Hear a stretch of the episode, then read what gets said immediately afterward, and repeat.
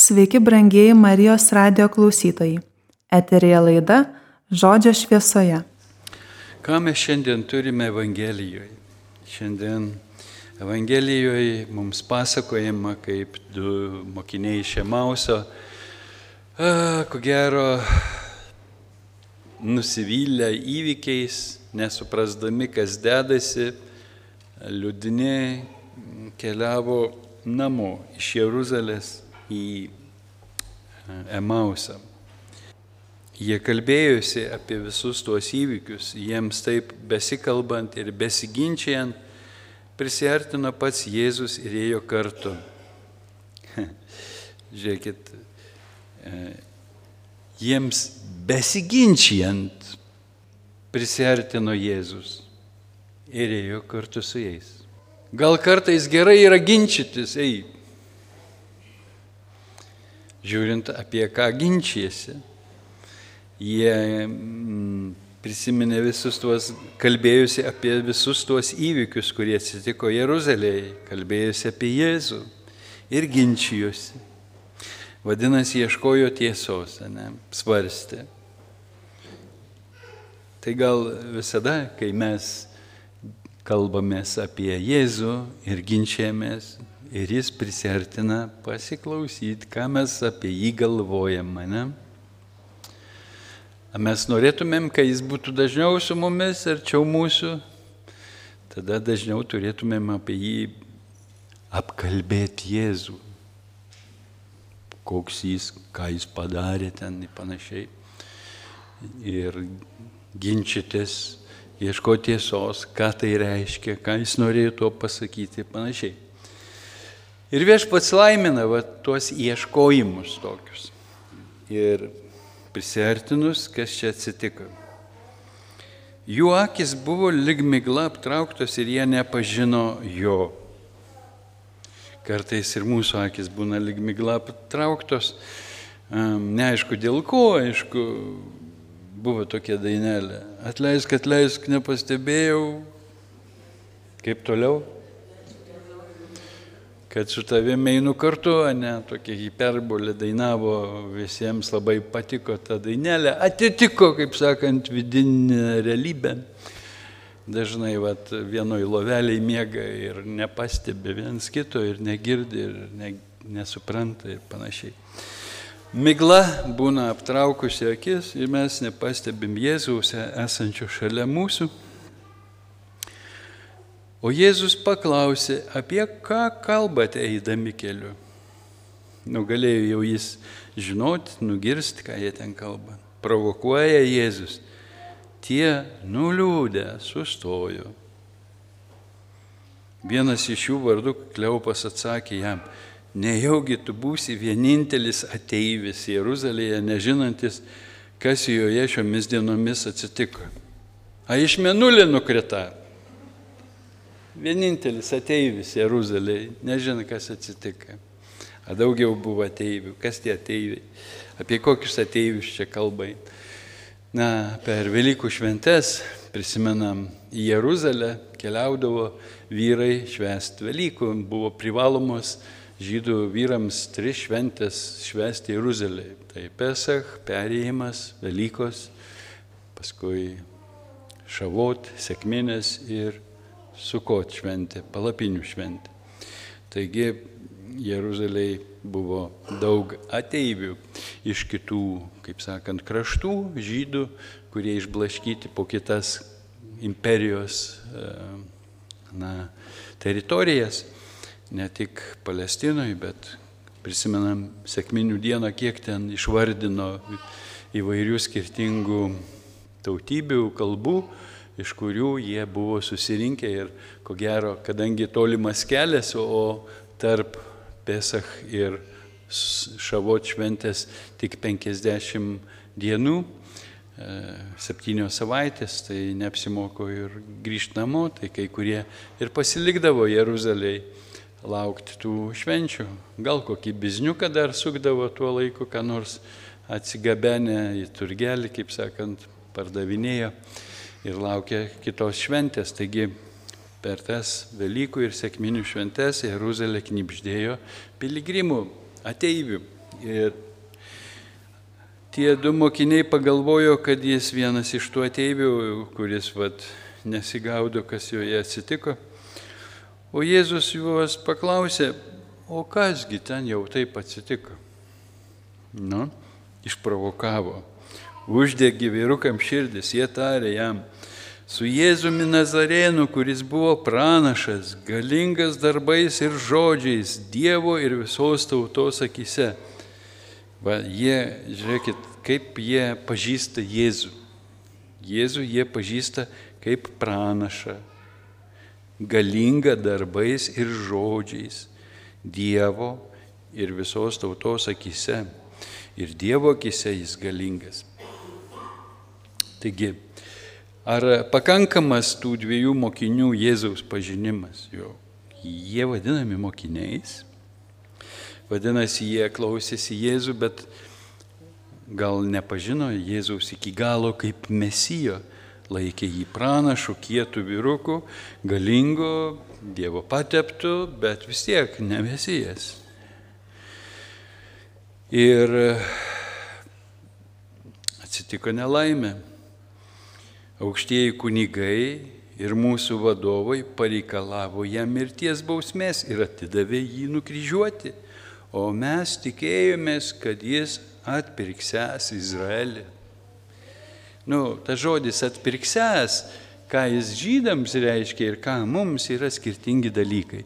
Mes jau tą žodį suprantam per Jėzaus auką atpirkimą. O žydams, ko gero, ta žodis reiškia tiesiog išgelbėjimą, išlaisvinimą, išvadavimą. Jie laukė išvaduotojo, nes kentėjo nuo neteisybės.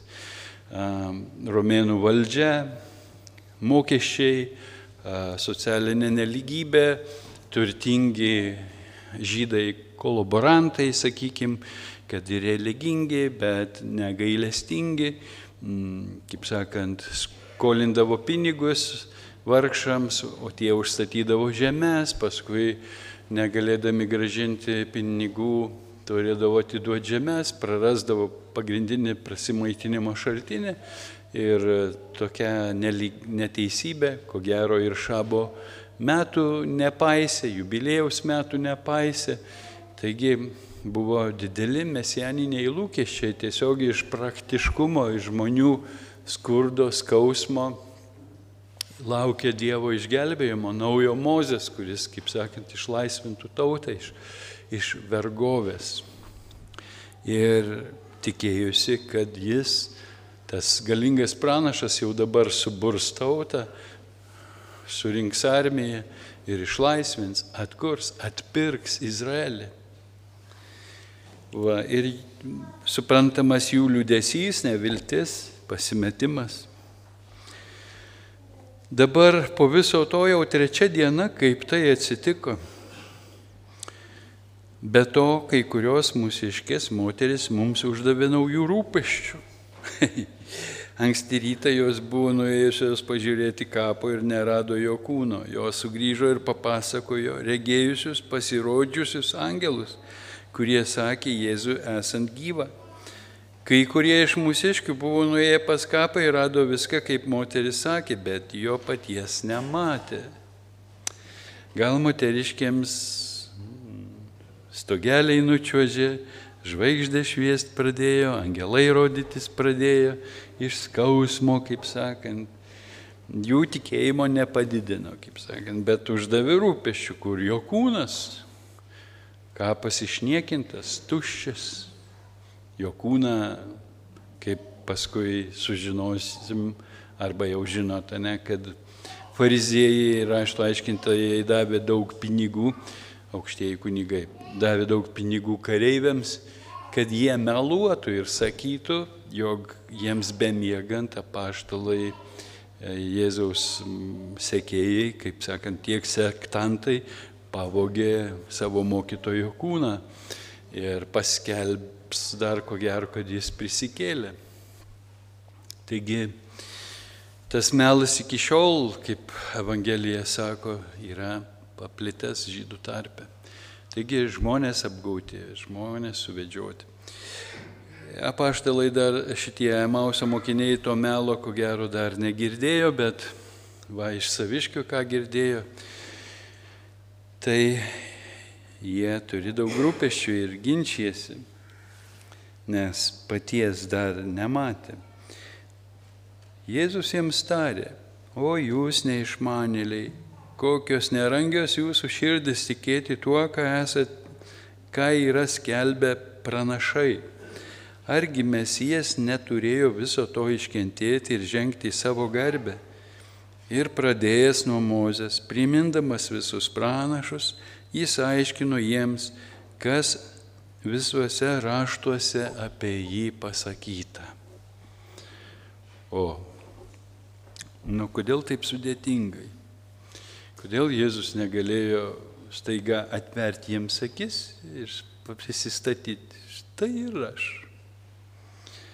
Aš nugalėjau, prisikėliau, tikėkit manim, sekit manim ir viskas.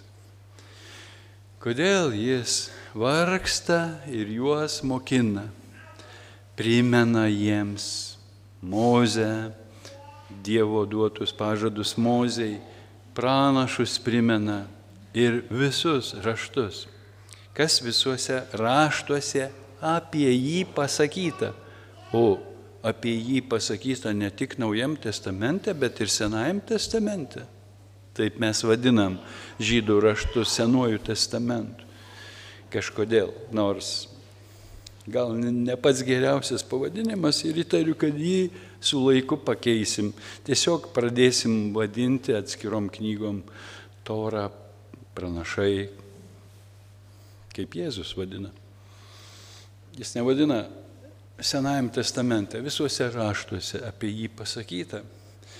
Kai kurie krikščionys nutarė, kad rašto skaityti nereikia, užtenka ką bažnyčia papasakos, trumpai per katekizmą ir to turi užtekti. Bet šiandien patirtis rodo, kad šiandien žmonėms to neužtenka. Ne?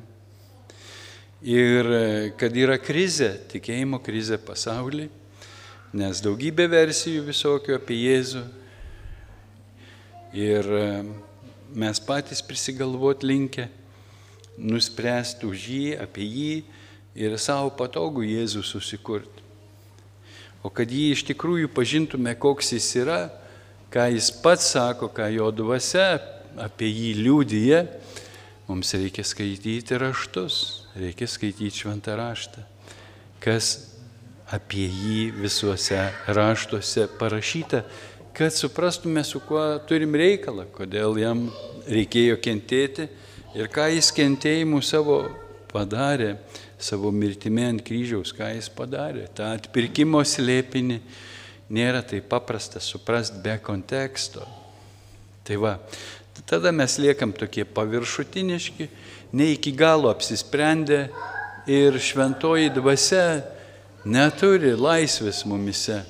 Mes neleidžiam šventai dvasiai veikti, nes mumise, kol Dievo žodis nepasiekia mūsų, kol Kristaus dvasia netveria mums žodžio prasme, nedega mūsų širdis, ir mes vergų chorelis.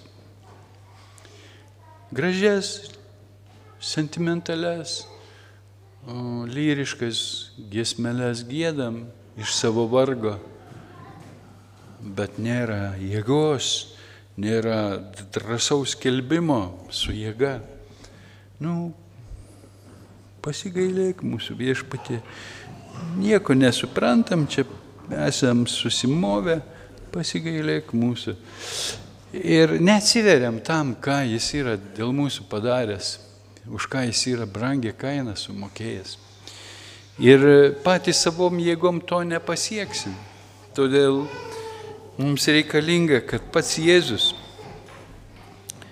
mums atvertų žodžių prasme taip, kaip kai jie jau atpažino Jėzų ir Jėzus išnyko jiems iš akių, kas darėsi su apaštalai. Tada jų akis atsivėrė ir jie pažino Jėzų Bet jis pranyko jiems iš akių, o jie kalbėjo, Argi mūsų širdis nebuvo užsidegusios, kai jis kelyje mums kalbėjo ir atvėrė raštų prasme. Štai kas atveria, kas uždega širdis, kai atveriama žodžių prasme. Argi mūsų širdis nebuvo užsidegusios, kai jis kelyje mums kalbėjo ir atvėrė raštų prasme. Taigi mums reikia skaityti šventą raštą, bet neužtenka skaityti jį reikia ir melstis ir prašyti, kad jis atvertų mums žodžių prasme ir uždegtų mūsų širdis, kad tas žodis neliktų nevaisinga sėkla, be, bevaisis, kaip sakant, mūsų širdise, mūsų gyvenimuose, kai už, užgožia tą žodį rūpešiai kasdieniniai, kaip, kaip tie erškiečiai arba atskrenda paukščiai ką nors pameluoja, sulėsa tą žodį, kaip sakant, nusineša, arba mes pamirštam jį ir jis lieka nepalaistytas maldų, nepalaistytas Dievo dvasios lietaus, neatsiveriam tam lietui, nesišaukiam to lietaus, galvojam patys, savo jėgom susitvarkysim savo gyvenimus, patys suprantam čia, kiek suprantam, tiek ir užtenka mums tipo, o dažnai dar ir įsivaizduojam, kad viską suprantam, o iš tikrųjų dar net nežinom, kaip reikia suprasti. Taigi mums labai reikalingas Jėzus. Bet šiandien Jėzus veikia per šventąją dvasę. Jėzus veikia per dvasę, kurie yra mums suteikęs per krikštą, kai mes atsiveriam tai dvasiai Ji mums aiškina žodžių prasme, uždega mūsų širdis. Kartais jis laukia mūsų, kad mes, nu, ne šiaip, nu, gerai, gerai, Dieve, nu, gerai, nu, papasakok man, nu, papasakok, nu, ką čia nori man papasakoti. Nu, tokie, va, taip, nu, jeigu Dieve tu nori, nu, gerai. Ne, aš turiu trokšti, nes jis vertas, kad aš trokščiau trokščiau jį pažinti, trokščiau pažinti jo valią ir išpildyti jo valią, karaliaus valią. Man tai turi būti gyvybiškai svarbu. Aš turiu siekti visų savo gyvenimo pažinti Dievą. Ir skurdas, kai neturiu jėgų skaityti, skurdas, kai neturiu jėgų mąstyti apie jį, kai mano galva užimta rūku, tuo rūku, tais kasdieniais rūpešiais, mano kažkokiam užgaidom, užsigėdžiu kokio nors daiktelio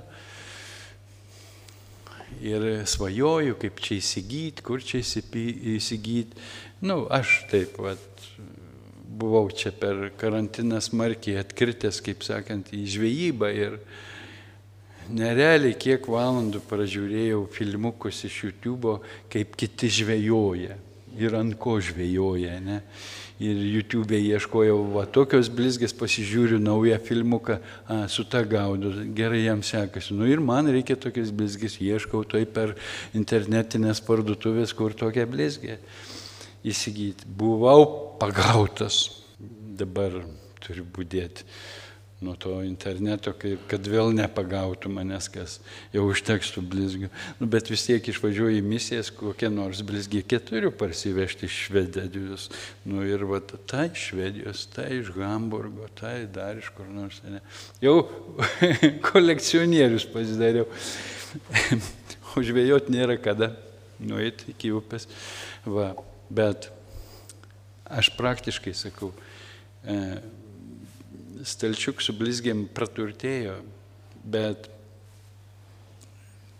kiek, kokią sąskaitą aš galėjau galbūt daugiau šventą raštą paskaityti ir daugiau jums pasitarnauti. Kaip viskas yra tarpusavį surišta. Todėl melskitės, kad viešpats man uždegtų širdį, pažadintų manį troškimą daugiau pažinti jį, daugiau pažinti jį ir su dar didesnė ugnim, aistra, troškimu skelbti tą žodį žmonėms, kad tas žodis kaip nors šventosios dvasios jėga lydimas prasiskintų kelią į žmonių širdis, nes jos taip apraizgytos užgaidų, svajonių, troškimų, norų. Ir kol mes neatsisakom tų troškimų, tų svajonių, kol mes nenumirštam savo, viešpačių nelabai yra ką veikti su mumis, nes mes užsiemę pasaulio reikalais, o nesirūpinam karalystę. Bet kai mes pradedam rūpintis karalystę, savo, savo reikalus atidavę jo rankas, dalykai pradeda keistis. Tada mes patiriam, jog jis yra gyvas. Ir kas toliau vyko su apaštalais, kai jų širdis degė, svarbi detalė paskutiniam sakiny, paskutiniuose sakiniuose. Jie tuoj pat pal, pakilo naktį, kai tamsu, kai nesaugu vaikščioti. Jie pakilo ir sugrįžo į Jeruzalę. Sugrįžo į bendruomenę. Ten rado susirinkusius vienuolika su savo draugais, kurie sakė, viešpats tikrai prisikėlė ir pasirodė Simonui, o jie papasakojo, kas jiems atsitiko kelyje ir kaip jie pažino Jėzų, kai jis laužė duoną. Jie sugrįžo į bendruomenę, jie sugrįžo į tarnavimą. Jie pradėjo tarnauti. Jie klausėsi kitų tarnavimo, kitų liūdėjimų ir patys liūdėjo, kaip jie sutiko Jėzų. Ir tai palaiko mūsų gyvybę, dvasinę gyvybę, buvimas kartu, liūdėjimas viens kitam Dievo darbų. Tai palaiko ugnį, tai palaiko mūsų tikėjimą. Ir todėl aš raginu jūs po mišių ne tik košę valgyti, šiandien tarp kitko aš jaunims išvažiavo į konferenciją o aš žirnių neradau, kad užmerkti iš vakaro. Tai Ingrida šiandien užpirko ir išvirė grikių košės. Tai gyvoja sveikuoliai, grikių valgytojai.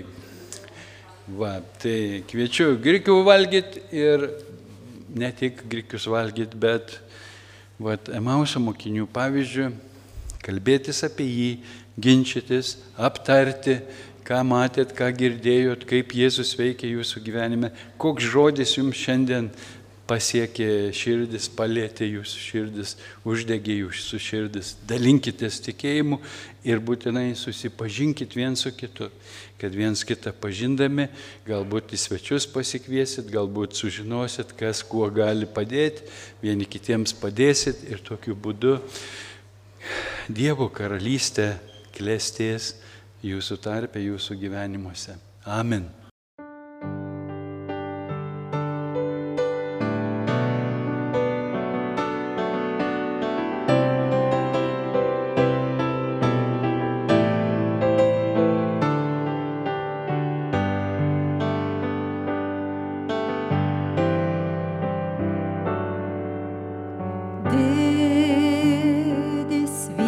pats jis labiausiai vertas šlovės.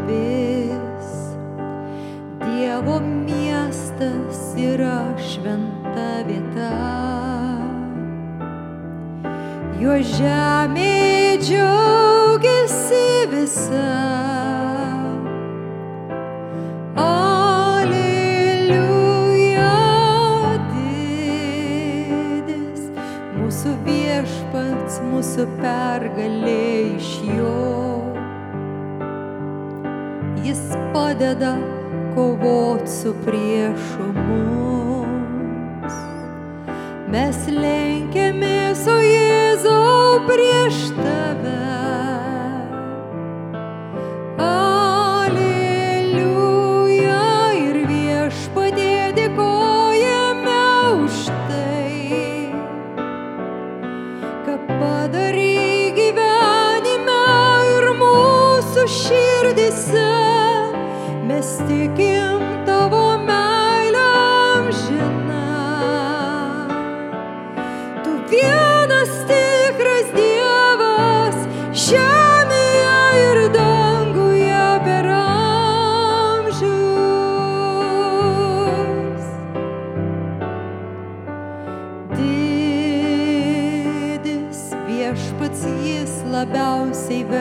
viešpatės šlovės.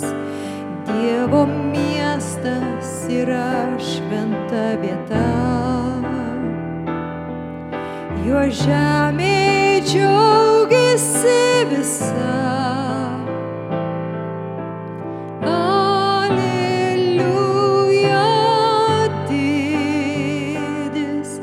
mūsų viešpats, mūsų pergalė iš jo jis padeda kovot su priešu mums. Mes lenkiamės, o Jėzau prie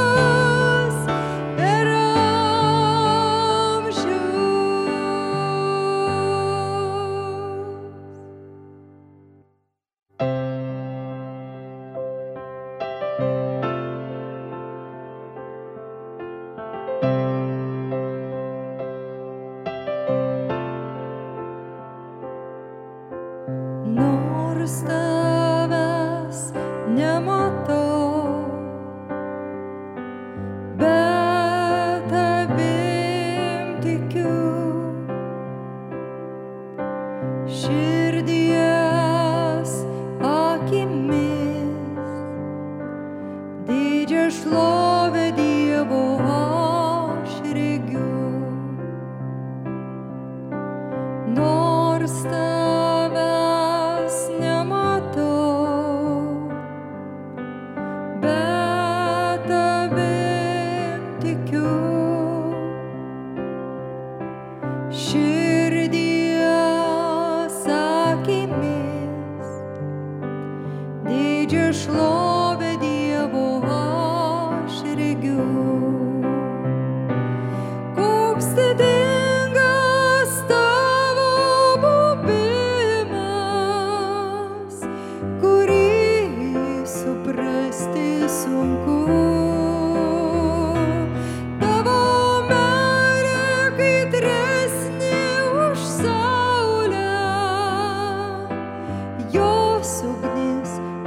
it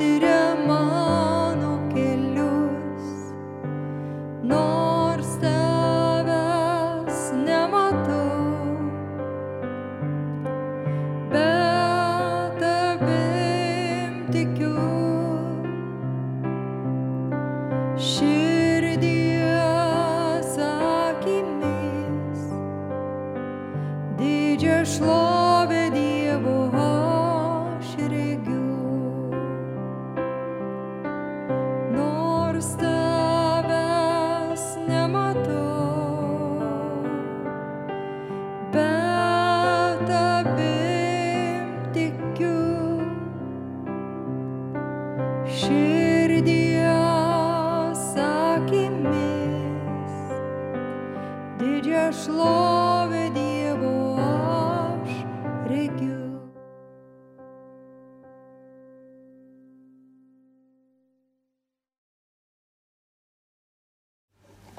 Ačiū, kad klausėtės.